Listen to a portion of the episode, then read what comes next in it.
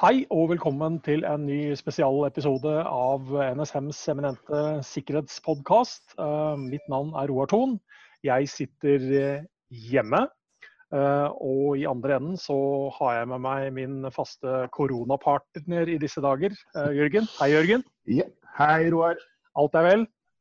Alt er vel ja. på hjemmekontoret. Så ja. Høres bra ut. Det blir jo sånn at vi I går så lagde vi en episode som uh, hørtes litt sånn uh, Det virkelig hørtes ut som vi satt på hjemmekontor. I dag håper vi at vi har funnet en litt bedre teknologisk løsning som gjør at kvaliteten blir litt bedre på lyden. Ja, Vi blir i hvert fall uh, oppdatert på hva som finnes av sånne videokonferanseapper og løsninger, om ikke annet.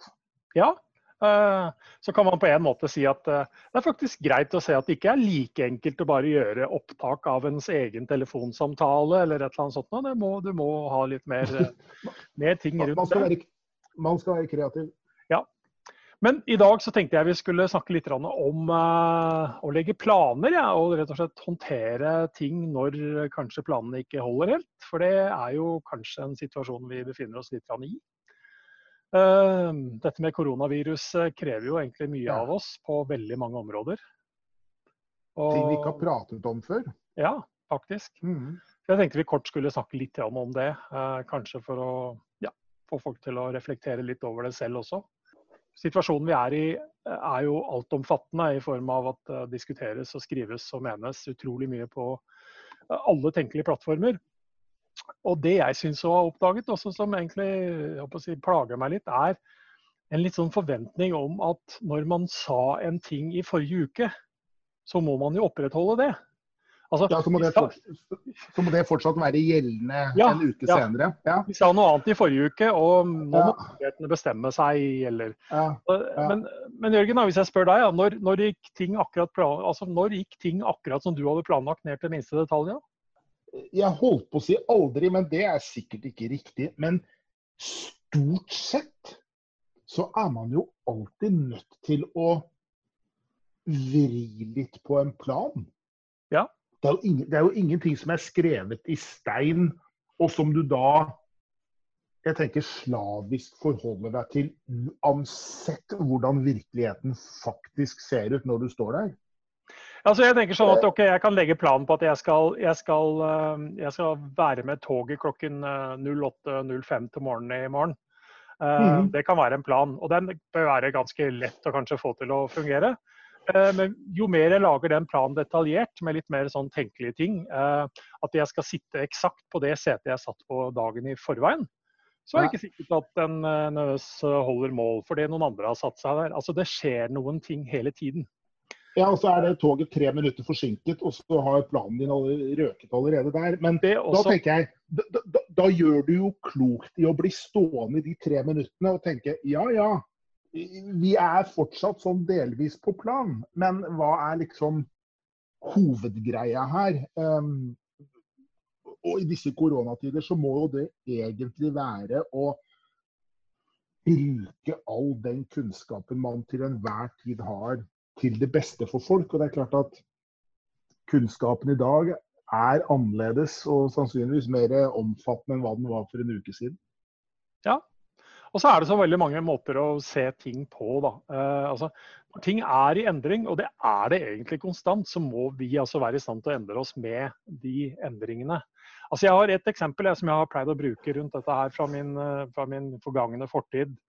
Da var jeg altså såkalt skadestedsleder på en alvorlig trafikkulykke når jeg jobbet i politi- og lensmannsetaten.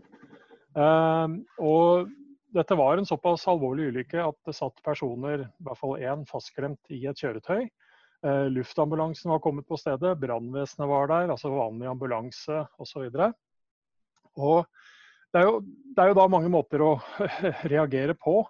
En av de mer sånn, eh, si, tingene som sitter ved meg, er personen som selv var skadet, føreren av bilen, som idet brannvesenet begynner å forsøke å skjære han løs, fortsatt var i bevissthet, var opptatt av at de ikke skulle ødelegge lakken på bilen. Eh, da, altså, da, er man jo forståelig nok i en, i en sjokktilstand. Eh, som ja. sådan. Men, men, når man da opererer med dette her, og man har en helt klart målrettet plan for å redde livet til et menneske, og man gjør, ønsker å gjøre dette så, altså så effektivt og så skånsomt som mulig, uh, så er jo det noe som altså, til en viss grad går automatikk i, og noen småting tar man underveis. Men så får jeg plutselig høre fra legen som er på stedet at nå må vedkommende ut nå.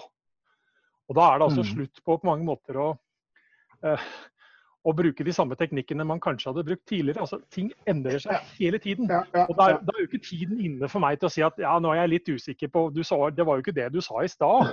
Eh, kan vi ta en diskusjon på det? Altså, kan, vi, kan vi samles her nå? Ja. Da må man altså bare gjøre noe. Uh, og det er det, det er det, jeg syns at vi kanskje skal være til en viss grad flinkere til å forstå. Da.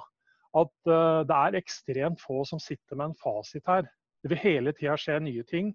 Eh, bør ha behov for nye vurderinger. og Sånn sett kommer man også ut med nye råd. Uh, og jeg ville faktisk vært mer redd dersom man faktisk da fortsatt bare opprettholdt statiske råd som man ga for 14 dager siden, enn at det kommer ja, nye ting. Så, og, og, Dette er jo noe vi også lever med når det gjelder altså rent datasikkerhet og en del sånne ting. Vi driver med råd og veiledning. og det er klart Etter hvert som man får mer kunnskap og man ser hvordan situasjoner endrer seg, så endrer man jo også de rådene. Uh, så, ja. Nødvendigvis. Og uh, jeg er jo relativt mye på sjøen på ja.